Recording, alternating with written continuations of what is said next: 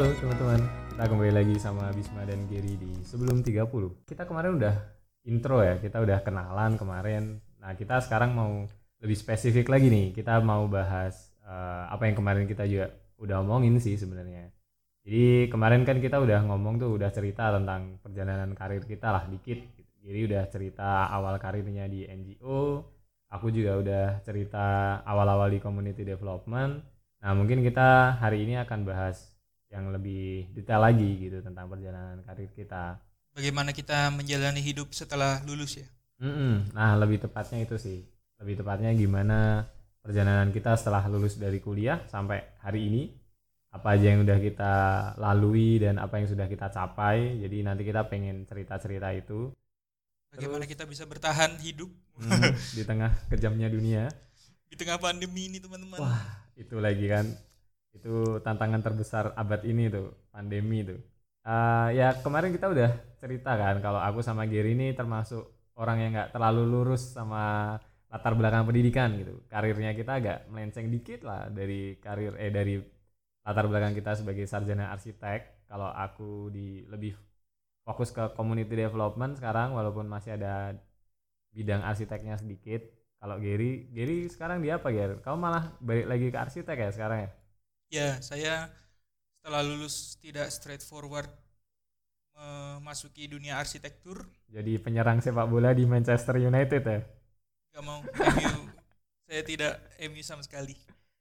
Ya, terus sekarang saya balik lagi di di dunia arsitektur. Ya, nggak cuma arsitektur sih, kayaknya banyak eh, di desain juga. Saya beberapa, kita beberapa kali kerja sama juga kantormu dan kantor, oh ya uh, kita pernah kerja sama bareng. Hmm. kita di kemarin kita kerja sama malah di ini ya di konten production ya bikin ya, video kan animasi. jauh banget sama ya bener sih. sebenarnya tidak terpikirkan kalau akhirnya bisa sampai ke situ. Ya ya ya. Aku juga gak, kemarin waktu ada kebutuhan buat uh, ya itu keberuntungan juga sebenarnya waktu ada kebutuhan buat nyari uh, video produksi video produktor eh apa sih namanya? Kayak gitu tuh. Video uh, editor ya bukan apa ya namanya? Animator animator. Animator, animator, nah, animator ternyata malah malah Gary yang punya circle di area itu. Kenalan kenalannya bisa ngerjain. Ya udah kita kerjasama lah kemarin. Nah uh, mungkin itu sih yang pengen kita bahas ya. Kalau kamu sendiri gimana Ger perjalanannya? Kok bisa akhirnya melenceng dari latar belakang sebagai sarjana arsitek? Uh, semua ini dari kayak cerita-cerita itu loh cerita-cerita ini horror. ada ada sound horornya nggak ini? Kalau dengerin podcast horror tuh biasanya gitu tuh awalnya tuh. Ya nama saya Gary. Saya pekerja. Hari jadi ini saya pulang malam. Jadi sebenarnya itu semua bermula dari kapan ya? Sebenarnya dari pas masih kuliah. Oh, kalau aku sendiri pas dari masih kuliah, uh, pas masih kuliah. Hmm. jadi uh, karena sebenarnya kuliah ya karena sepertinya juga terbantu karena kuliah arsitektur itu kita diharuskan untuk bertemu banyak orang gitu. Hmm, Jadi ya benar-benar. Mungkin kamu juga gitu toh, ah, Bisma juga karena kita juga seangkatan dulu sempat di semester berapa gitu kita harus semester tiga yang itu yang apa kliennya artis ah ya seniman. jadi hmm. beruntung juga sebenarnya kita ah. ada pro, ada project itu jadi disuruh buat rumah seniman kita harus siapa waktu itu siapa tuh kliennya kalau aku ada seniman Balikpapan namanya Suma. Jadi aku sebenarnya nggak sengaja ketemu tuh karena teman kita karena salah satu teman kita ada dia uh, harus apa dia memilih seniman Jogja. Hmm. Jadi itu itu jadi kayak kumpulan gitu, jadi kayak komunitas gitu dia hmm. ngerjain rumah komunitas lah gitu. Jadi kenal di situ terus mulai berjejaring ya. Ya awal situ awal ya? saya sebenarnya nggak kerja karena itu jatuhnya volunteer ya. Volunteer hmm. itu kan hmm. kayak apa, apa ya? Sukarelawan. Ya benar sukarelawan. Sukarelawan itu jadi uh, pas volunteeran itu ketemu banyak orang, ketemu hmm. teman-teman banyak. Hmm. Saya juga ngikutin. Acara uh, apa tuh? Volunteer di acara apa tuh? Itu acara apa? Jogja dulu di Jogja itu Jogja Bienal kalau nggak salah. Biennale, hmm. Biennale hmm. itu. Hmm. hmm.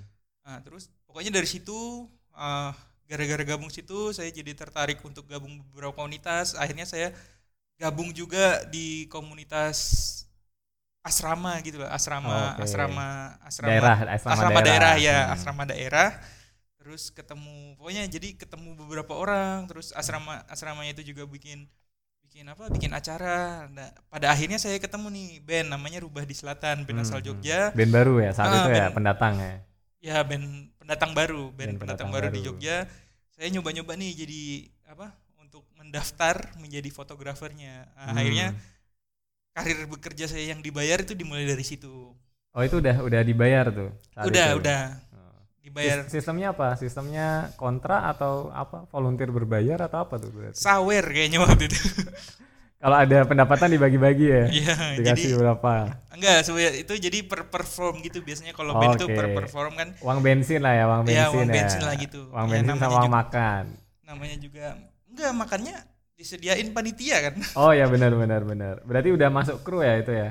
ya itu udah udah masuk krunya jadi fotografer itu hampir Bisa dipercaya kamu sebagai fotografer sebuah band yang lagi naik daun saat itu. ini semua keberuntungan sepertinya jadi Ngelamar atau gimana iya ceritanya? sempat ngelamar Hmm. sempat Mereka karena juga- nyari ya, mereka nyari fotografer. enggak mereka nggak nyari saya buka tembok aja ngirim email Oke. mereka kayak gitu lewat Instagram dulu Nah itu itu keren banget sih. Jarang ada mahasiswa yang punya inisiatif-inisiatif kayak gitu. Yang, yang jadi doronganmu saat itu apa emang? pengen kenal banyak orang sebenarnya pengen jadi karena kalau teman-teman pernah ke Jogja kan tahu Kaliurang itu sangat terpencil Eksklusif, eksklusif. Eksklusif lah, ada salah satu- Eksklusif. ada salah satu Janganlah terpencil lah, eksklusif. eksklusif ada salah satu kampus besar di sana yang di mana kita kuliah di situ inisialnya UI ya Mm-mm. jadi Warnanya biru, alma maternya. biru Kita nggak sebut, kita nggak sebut, ini- namanya lah. Ya. inisialnya aja UI Eh, itu agak jauh dari kota dari kerumunan Dari peradaban. dari peradaban nah jadi aku agak bosen nih di di Kaliurang terus coba ah main nah ternyata ada itu kayaknya itu juga saya nggak tahu dorongannya dari mana Dari Allah yang pertama, Heeh. yang kedua orang tua.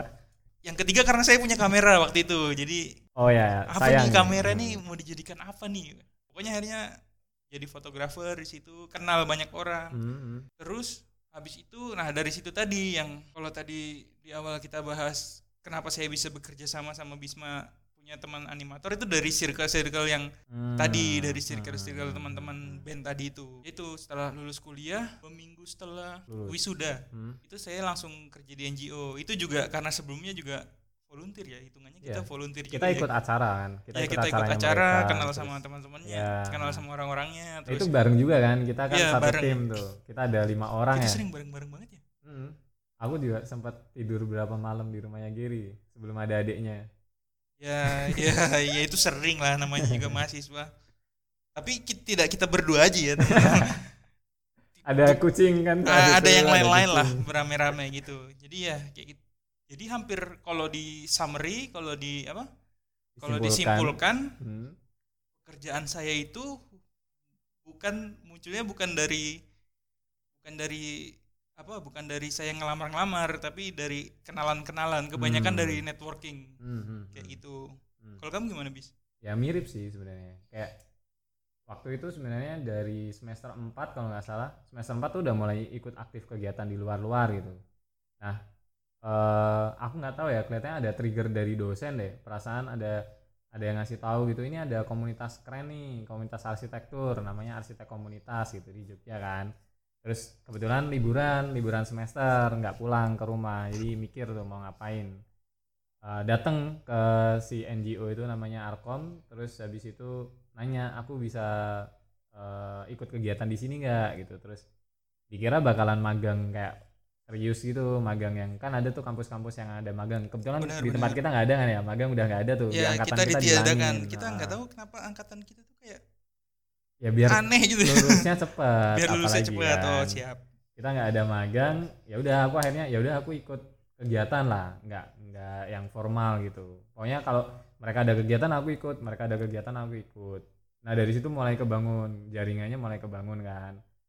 Eh, terus eh, sempat kelihatannya merasa apa aku melanjutin di sini aja ya? gitu. Cuma kebetulan habis lulus itu ditawarin sama dosen. Dosenku eh, ketemu sama orang ditanya tuh di, si dosen ini ditanya kamu ada ini enggak mahasiswa atau eh, anak didik yang bisa aku ajak untuk membuat sebuah program bareng enggak gitu.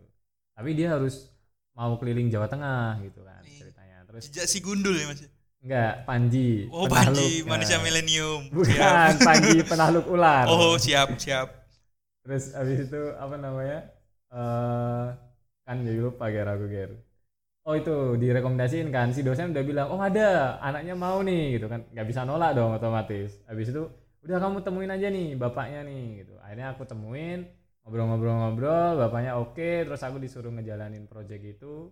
Dan saat itu tanpa ada tim jadi waktu aku ngejalanin project aku nanya timnya berapa orang pak? Nggak ada masnya sendirian gitu. Terus oh saya boleh lihat dokumen-dokumen sebelumnya? ya oh nggak ada dokumen mas belajar sendiri aja gitu kan agak aduh gimana gitu Ini sih bukan dipekerjakan tapi dijerumuskan sebetulnya ya lebih ke agak agak dijerumuskan. seperti itu sih agak seperti itu cuma dari situ aku banyak dapat pengalaman dan ternyata si bapak ini itu staf khusus staf khusus gubernur Jawa Tengah gitu jadi Tuh, waktu aku ada pangkatnya lumayan tinggi. Ah. Kedudukannya lumayan tinggi. tapi bukan PNS ya Oh, jadi iya. kalau di banyak kan ada TGUPP tuh kayak Jakarta kan sempat ramai tuh TGUPP gitu nah ini bapaknya salah satu dari staf khusus gubernur Jawa Tengah. Jadi waktu aku ngejalanin itu yang menjadi motivasiku sama menjadi keyakinanku oh ini ada power nih di belakangku yang nge-support gitu. Akhirnya aku berani kan.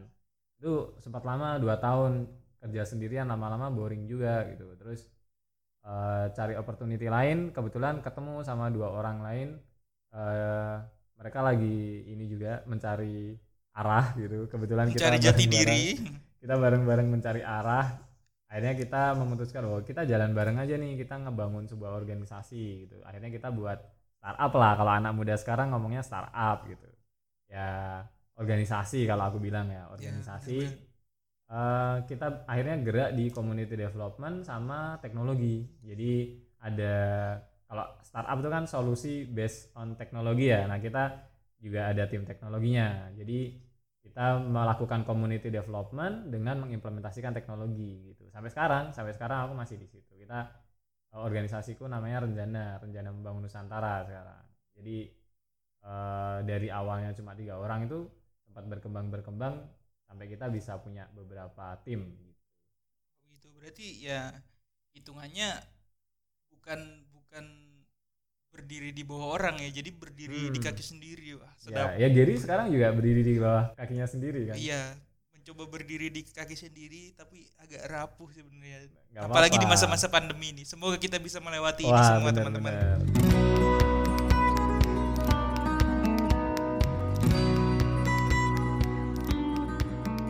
Ya ini salah satu cara kita untuk mengisi kegiatan di masa-masa pandemi ini dengan membuat podcast ini kan. ya kita berbagi lah sama kalian mungkin di ada teman-teman mungkin yang di selama pandemi ini karirnya melonjak Wah, Hmm. itu ad- Apa contohnya nih kalau yang di era-era pandemi karirnya melonjak apa? Contohnya? online shop Oh benar, jualan online. ya berarti. oh ya youtuber juga sebenarnya itu karir yang cemerlang di masa-masa pandemi ini ya orang-orang banyak nontonin apalagi kemarin saya lihat itu youtubers yang masak-masak itu view-nya jutaan Hmm, podcaster juga berarti kan. nah podcast juga Sekarang pada bikin podcast nih gara-gara pandemi. kayaknya kita terlambat deh ini Agak terlambat, nggak apa-apa, nggak ada kata terlambat, Ger. Oh, Kayak gitu. kemarin terakhir kita dengerin podcastnya Seringa ya, mereka dari band bikin podcast juga akhirnya kan, iya nggak bisa karena manggung karena gara-gara. tidak ada manggung nah itu Masih komunikasi sama teman-teman rubah nggak? masih sampai Gimana sekarang mereka? Sama juga ter- terdampak pandemi ya? ya hampir hampir semua teman-teman musisi yang ada di circle saya juga sangat terdampak pandemi ini karena Hmm. mereka core-nya mereka intinya mereka itu kan manggung manggung di mana harus mengumpulkan banyak orang dan lain-lain mungkin Hmm. eh, pas awal-awal pandemi itu benar-benar nggak ada sama sekali Hmm, tapi hmm. mungkin sudah ke belakang ke belakangan ini sudah Mulai mulai ya. ada regulasinya sudah mulai konser online atau Hmm.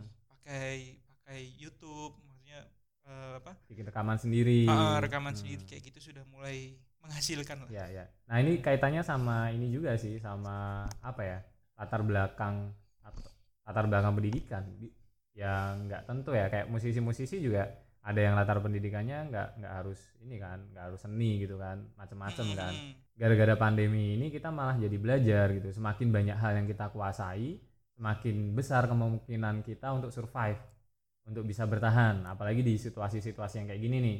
Kalau yang arsitek misalkan dia nggak ada project tapi dia bisa fotografer eh bisa fotografi akhirnya ya dia bisa dapat pendapatan dari situ kan Ya benar ya banyak karena salah satunya ya pandemi ini kan hasil hasil dari pandemi ini kan adalah WFH ya. Hmm. Program dari pandemi ini salah satunya adalah WFH. sama dimana- social distancing Ya sama social distancing. Jadi pandemi ini menghasilkan program-program unggulan sekarang tuh ya antara WFH dan social distancing dan memakai masker. oh dan Jangan memakai lupa memakai masker. ya benar sama cuci tangan Cuci tangan yang teratur.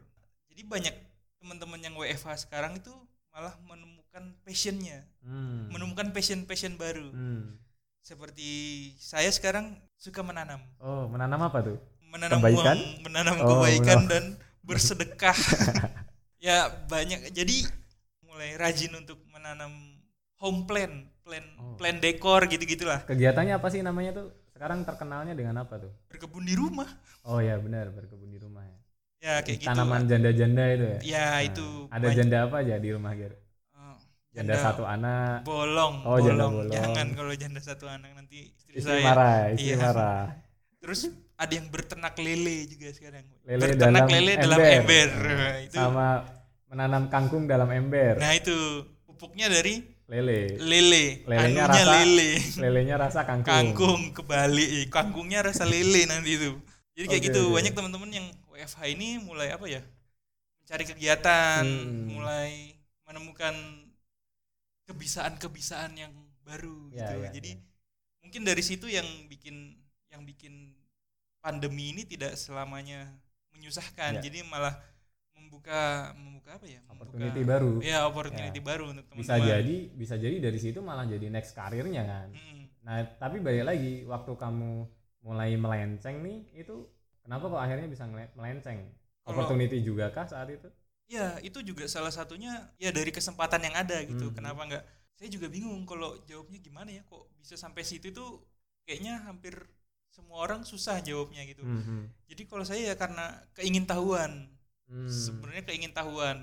tapi kan kamu bisa aja nolak kan saat itu waktu ada tawaran nih terus ada opportunity nih kan wah enggak ah, aku maunya arsitek Bisa, bisa aja Hmm. menolak tapi karena ini pemikiran saya sendiri ya. Mhm. Karena karena saya sudah terbekali dengan dengan skill arsitektur. Mhm. kapan saja saya bisa kembali Hmm. menuju jalur itu. Hmm. Saya masih saya masih saya punya dasarnya. Saya Ya. pernah belajar empat tahun, Hmm. empat tahun setengah ya Hmm. karena telat lulusnya. Empat tahun setengah saya sudah punya skill itu. Jadi kapan pun saya kembali, sepertinya kalau untuk belajar sedikit nanti saya bisa mengembalikan kemampuan saya. Ya. Tapi ini ada sesuatu yang baru nih. Kenapa nggak Oke. dicoba? Mungkin dari situ saya bisa mengembangkan skill-skill saya yang lain. kayak Wah gitu. itu menarik sih. Berarti yang pertama kali dilihat adalah oh dari sini aku bisa berkembang ya ternyata ya. Terus ah, udahlah coba aja lah gitu lah ya. Lost doll lah kalau Oh. sekarang itu Benar-benar. bahasanya lost lost doll. Ya sama sih aku juga waktu itu ngerasain eh, wah ini opportunity nih gitu bisa mempelajari sesuatu yang baru yang selama kuliah aku nggak belajar gitu dan siapa tahu dari situ malah aku bisa berkembang. Ternyata ya dari pengalamanku itu walaupun aku sendirian saat itu tapi banyak banget yang aku pelajarin. Salah satunya dari interaksi sama warga desa, masyarakat-masyarakat di desa itu aku jadi ngerti gitu kayak wah ternyata eh, kehidupan tuh sesulit ini ya dan kok aku nggak pernah tahu ada orang-orang yang hidupnya se-struggle itu gitu. Dari situ ngasih pembelajaran buat lebih apa ya mensyukuri hidup dan lebih berusaha sih sebenarnya biar aku bisa ngasih dampak ke orang-orang yang eh, kondisinya sesulit itu gitu Mungkin menurut Anda susah tapi mereka santai aja. Ah, enggak lah enggak lah itu sebuah sistem piramida di mana mereka adalah bagian terbawah politik ini mesti Hmm. politik. Kita ngomong ke politik mana? Iya dong. Ya itu sih sebenarnya akhirnya kita bisa dapat perspektif banyak. Aku ya, aku per- pribadi bisa dapat banyak perspektif dari situ dan ya mungkin dari kamu juga dari pengalaman eh, karir tadi yang nggak sekedar cari duit eh, tapi juga bisa mendapatkan banyak hal dari situ dari opportunity yang kita ambil terus akhirnya kita bisa mendapat banyak hal selain eh, pendapatan yang cukup mungkin ya buat teman-teman juga waktu mau ngambil opportunity kan banyak yang kita lihat tuh dari situ kan kayak seberapa kita bisa eh, mendapatkan mencukupi kebutuhan kita, seberapa kita bisa berkembang di situ, seberapa cerah masa depannya mungkin buat Hmm, teman-teman yang lihat di situ. Mungkin teman-teman di sini juga teman-teman pendengar ini banyak juga yang apa ya? Banyak juga yang melenceng sebenarnya Hmm, dari hmm, core-nya. Misalnya dia S1-nya kuliah apa, nanti Hmm, hmm. tiba-tiba kerjanya apa Hmm. gitu. S1-nya eh, apa? Mungkin teman-teman ada yang lulusan SMK juga, Hmm. tapi tiba-tiba nanti masuk ada opportunity apa. Sebenarnya coba aja lah dulu. Siapa tahu ini bisa membuka keran-keran yang lain Ya. seperti itu.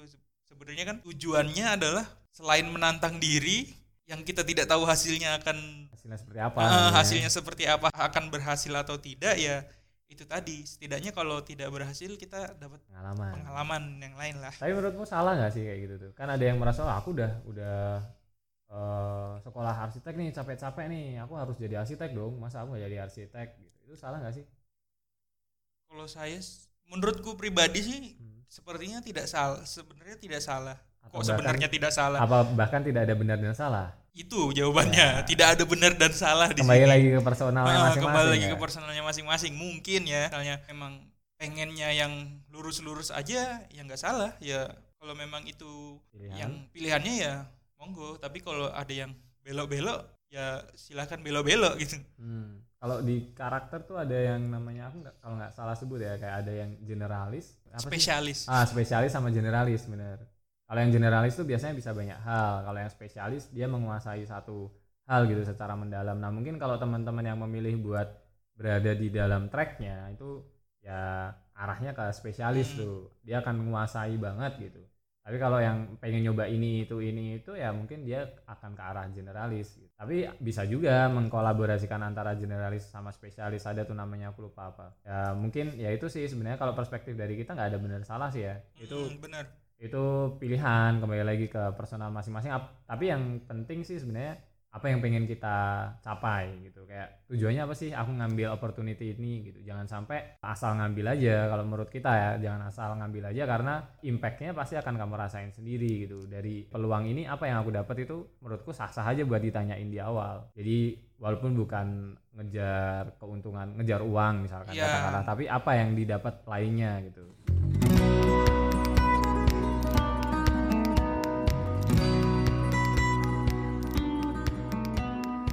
sesuai judul podcast ini sebelum 30 masih ada. Ya kita bisa masih mencari pengalaman terus mencari mencari apa ya? Mencari referensi yang banyak. Ya, ini bener, makanya bener. kita ngobrol di sini juga biar bisa connect ke teman-teman yang mungkin kita belum pernah tahu kalau kerjaan itu ada misalnya. Saya Ya, juga ya, belum ya. pernah ngobrol sama misalnya siapa tahu ada yang dengerin ini astronot. Wah keren kan? Aku belum pernah ngobrol sama astronot nih. Bagaimana dia bisa menjadi astronot kayak gitu kan? Karena Hmm. Di kuliah kan nggak ada kuliah astronot. Oh nggak ada ya? Nggak ada nggak ada. Oh. S1 astronot. Adanya astronomi ada oke maksudnya yang general astronot itu nggak ada gitu loh. Karena Ya, ya, astronot ya, itu kan benar ada yang dari biologis Hmm, ada hmm. yang dari militer jadi astronot gitu kan. Nah mungkin Oh. dari teman-teman yang di sini Kamu mendalami astronot nih kelihatannya ada cita-cita jadi astronot pertama Indonesia nih kelihatannya. pengen keluar bumi aja. Gara-gara kemarin Omnibus Law itu yang lain mau pindah negara, kamu mau pindah bumi nih. iya kalau bisa pindah ke Mars boleh lah Eh, dari pengalaman tadi, pengalaman akhirnya kita dapat opportunity, terus akhirnya eh, kita ngambil opportunity itu sampai berjalan sampai hari ini, itu kalau menurutmu apa sih yang perlu di prepare? persiapan persiapan adalah mental yang kuat teman-teman Oh, kenapa tuh perlu mental yang kuat? Apakah kehidupan sekejam itu? Iya. Sebenarnya kejam tidak kejam itu tergantung Tergantung anak siapa. Kalau anak Nah, sultan ya mungkin tidak terlalu kejam. tidak terlalu kejam hidup ya. Belum Jadi- tentu juga, belum tentu. Kita, Kita nggak tahu, kita eh, nggak tahu. pernah Tapi tergantung sultan. karena yang pertama itu kalau mentalnya tidak kuat ya bisa breakdown. Hmm. Breakdown yang tak maksud itu ya kayak kerjaannya tuh nggak selalu ada. Yang Hmm. pertama kerjaannya nggak selalu ada. Terus kita harus struggle nih, struggle struggle mencari pekerjaan dan di mana teman-teman yang lain itu bekerja terus tiap hari. Oke. Oh ini Mungkin- dalam kasusmu ya, dalam Ah, kasus kasus berwirausaha ya. ah, Tapi kan sebelumnya kamu pernah jadi pekerja kantoran tuh, walaupun NGO ya. Nah itu kalau Iya. itu apa yang kamu prepare? Lebih berat mana antara wirausaha atau bekerja di kantor? Tapi ada nggak sih yang berbeda dari yang kamu prepare saat itu atau sama nih yang di prepare secara umum ya tetap aja mentalnya harus kuat. Kalau yang prepare kerja di kantor adalah soft skill yang banyak sebenarnya. Hmm. Menurut saya, menurut Hmm, saya itu hmm. soft skill yang banyak. Hmm. Karena pas kerja di NGO itu hampir apa ya, hampir palu gada. Jadi kita Hmm. hampir ngerjain semua. Oke. Walaupun saya desainer gitu ya, Oke. kita harus bisa ketemu orang, ngobrol Hmm. sama orang. Kerjaan kantoran, Hmm. duduk duduk di depan komputer Laptop. juga harus Hmm. bisa kayak gitu. Jadi ya perbanyak eh, ya? perbanyak soft skill aja. Jadi karena selama kuliah juga mungkin itu diajarin, tapi ada beberapa hal yang belajar sendiri juga banyak misalnya kayak di arsitektur nih kita tidak belajar Excel sama sekali kan Ya, kayak ya, hitung-hitungan ya Hmm. hitung-hitungan RAB adalah tapi Hmm, nggak hmm. secara ini kan nggak tidak detail nggak detail nah pas mungkin Bisma juga karena dia sekarang IT itu dan pas kerja di LSM juga harus mengolah data wah Ya, itu benar, benar. susah itu susah banget sebenarnya apa kalau tantangan tantangan tantangan lah. tersendiri tuh kalau kita belum pernah nyentuh tapi Hmm. Setelah lihat dan belajar belajar ya tetap susah. Ya namanya juga hal yang baru kan ya. Itu nggak bisa instan memang. Ya kembali lagi sih ke proses ya. Berarti mental yang kuat itu jadi kunci utama kan? Ya mental yang kuat. Biar mental kita bisa baja. jatuh dan bangun dan bangun lagi jatuh lagi gitu. Tapi jangan sampai terjatuh dan tak bisa bangun lagi. Oke oke oke oke. Terus kalau menurutku sih ada dua hal yang penting sih dari ceritamu dan pengalamanku ya. Skill tuh masih penting gak sih? Penting kan ya?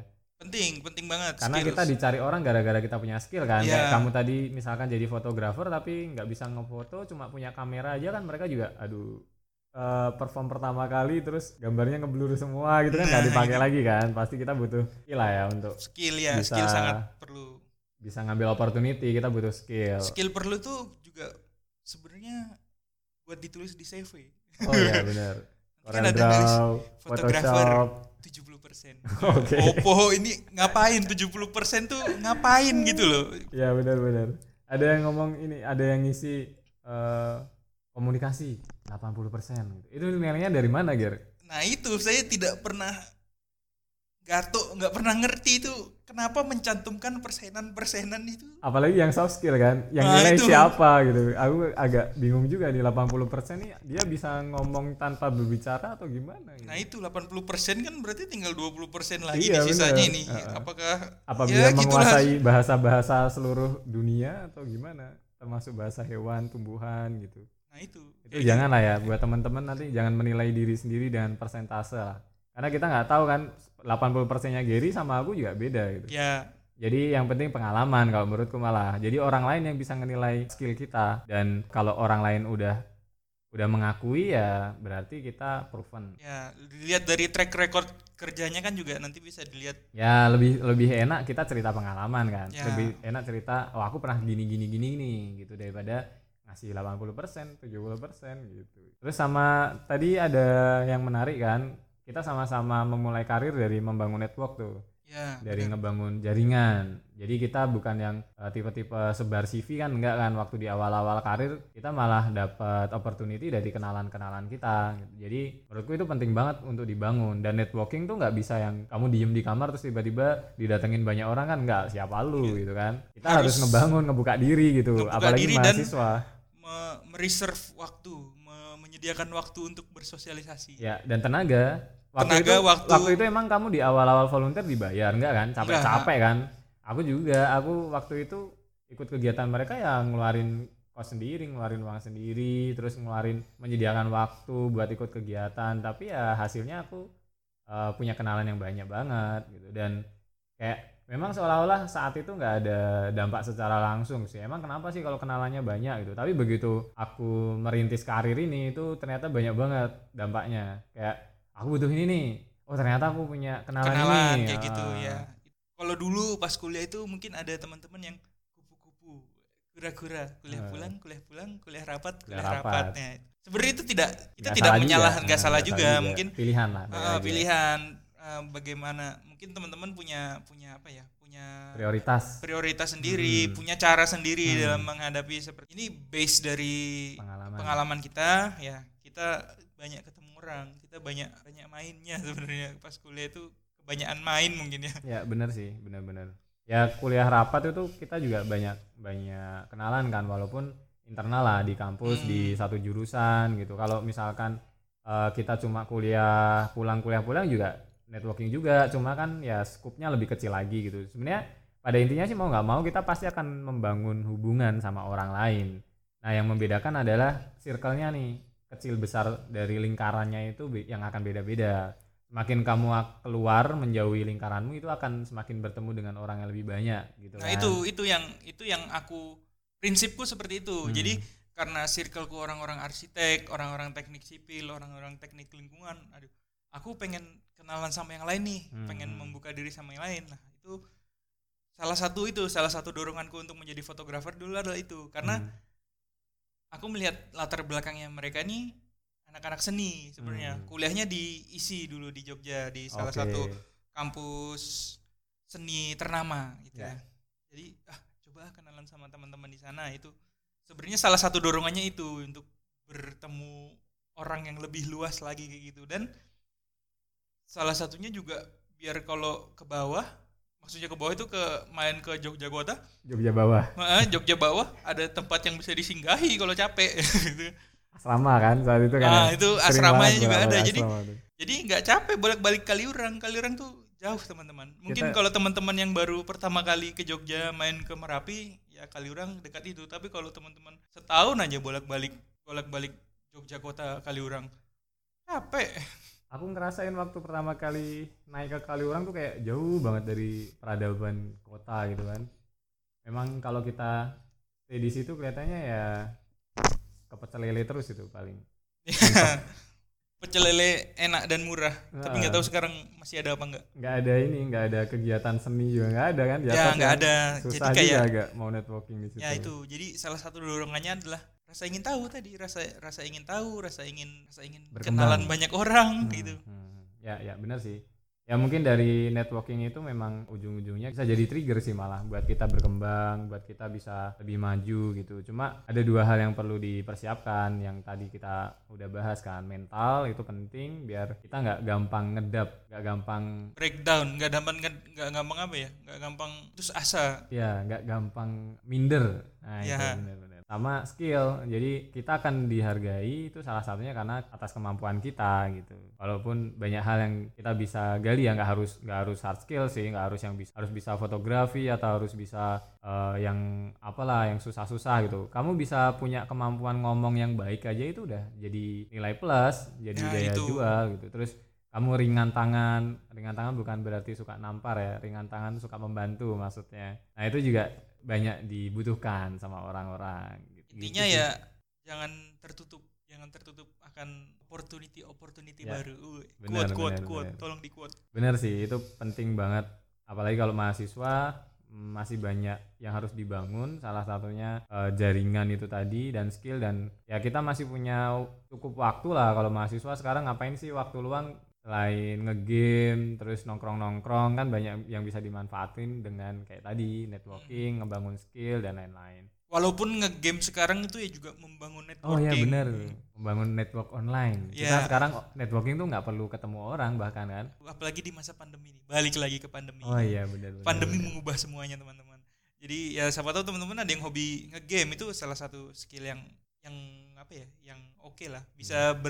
Berkenalan dengan banyak orang juga dari ngegame sekarang gamers banyak banget yang Oh iya benar. benar. menghasilkan banyak uang ya pokoknya sekarang pekerjaan banyak lah dicoba-coba aja Ya, yang jelas jangan cuma berhenti di situ sih ya. Kalau Ya. misalkan tadi kalau jadi mahasiswa eh, ngegame doang ya janganlah. Kita harus meluaskan network juga dengan ketemu orang, pelajari skill-skill yang lain gitu. Karena ya balik lagi kalau semakin banyak hal yang kita kuasai, semakin besar kemampuan kita, semakin gede peluang kita buat survive gitu. Nah, mungkin kita pengen tahu nih cerita dari teman-teman yang lain juga kan. Pasti banyak yang punya pengalaman-pengalaman serupa lah. entah pengalaman serupa atau punya pengalaman lain yang lainnya yang jauh berbeda. yang jauh Misalkan berbeda dengan yang kita tadinya cuma kuliah kuliah pulang kuliah pulang tapi ternyata ternyata di rumah itu investasi itu apa tuh main saham Oh, kita kan iya, nggak tahu benar, ternyata benar. dia kuliah pulang di kosan nungguin saham ternyata atau kuliah pulang di rumah organisasinya aktif gitu. ah gitu juga Punya bisa. kuliah pulang pemuda. online shop juga oh bisa. ya bisa. Ya itu sih balik lagi ke tujuan masing-masing juga. Mm. cuma kalau dari pengalaman kita itu yang mau kita sharing. Kita pengen denger juga dari teman-teman. Kontra nggak apa-apa ya kita sangat terbuka akan pendapat yang berbeda. Justru itu akan menambah perspektif kita kan. Mm, Siapa karena yang tahu- seperti kita bilang tadi podcast ini isinya adalah keresahan. Mungkin Boleh, nanti kita boleh. bisa bisa buka bukan kanal mungkin kita bisa buka open question nanti Oh, di boleh, Instagram boleh. untuk teman-teman. Bukan question sebenarnya. Berarti kita bikin Instagram nih habis ini nih? Heeh, di Instagram kita dulu aja oke oke oke. Mungkin teman-teman bisa cerita bagaimana perjalanan karir. Ya karena kita juga bukan bukan apa ya? Expert. Ya kita bukan Pak Haritanu Sudibyo atau kita bukan almarhum Bob Sadino kayak gitu yang bisa eh, apa menceritakan bagaimana kesuksesannya. Kita tidak belum sampai jenjang sukses tapi bagaimana karir sampai titik sekarang gitu Ya. apa Ya itu sih intinya dari sebelum 30 karena memang yang dirasakan sebelum 30 itu banyak kegelisahan kan, belum settle gitu. Kita juga masih melakukan eh kita masih memiliki keresahan-keresahan yang banyak banget gitu dan kita sedang menuju ke perjalanan cita-cita kita gitu. Jadi yang bisa kita share di sini ya sama sama yang mungkin sekarang lagi teman-teman rasain. Yang kita share di sini adalah kegelisahan-kegelisahan. Makanya nanti kita tunggu kegelisahan dari teman-teman biar kita bisa jawab bareng di sini. Bisa bahas bareng lah. Kita ya nggak nggak menjawab tapi membahas bareng. ini tidak tertutup untuk teman-teman yang sedang bekerja di kantor atau sedang apa tidak terbatas untuk teman-teman yang sedang bekerja di kantor atau sedang menjalankan usahanya sendiri tapi mungkin teman-teman yang udah sudah settle Hmm. sebelum umur dua sebelum umur 30. 30 tahun mereka udah settle udah punya investasi banyak udah punya sesuatu yang ternyata aku bisa mencapainya sebelum umur 30 tahun Ya. mungkin oh, itu bisa di, tuh. i- boleh mungkin di-share bisa ya. di-share juga itu lebih menarik Nah mungkin nanti kalau teman-teman mau tanya jawab bisa ke Instagram kita ya. Kalau Gary Instagramnya di mana Ger? at Gerinoski Tulisannya gimana? G E R I N O S K Y Oke, nanti kita bikin Q&A ya di situ ya. Heeh. nanti di Instagramnya Bisma juga Ya, kalau aku Buka di Setiadi Bisma S E T I A D Y B I S M A. Nanti kita coba tanya jawab dari situ. nanti kalau belum jelas nih di pause dulu di rewind dengerin lagi Oke, ya dari kita itu dulu mungkin untuk pembahasan karirnya. Next Ya, kita mungkin akan nanti- bahas next nanti kita mungkin bahas jawaban dari teman-teman ya pertanyaan, Kita- pertanyaan, pertanyaan atau sharing ya, pertanyaan atau sharing dari sharing-sharing teman-teman. dari teman-teman nanti mungkin kita bisa bahas di sini pengalaman-pengalaman pribadinya itu seperti apa gitu Ya, ya, oke. Sip sih, itu dulu dari kita. Sampai jumpa lagi di sebelum 30.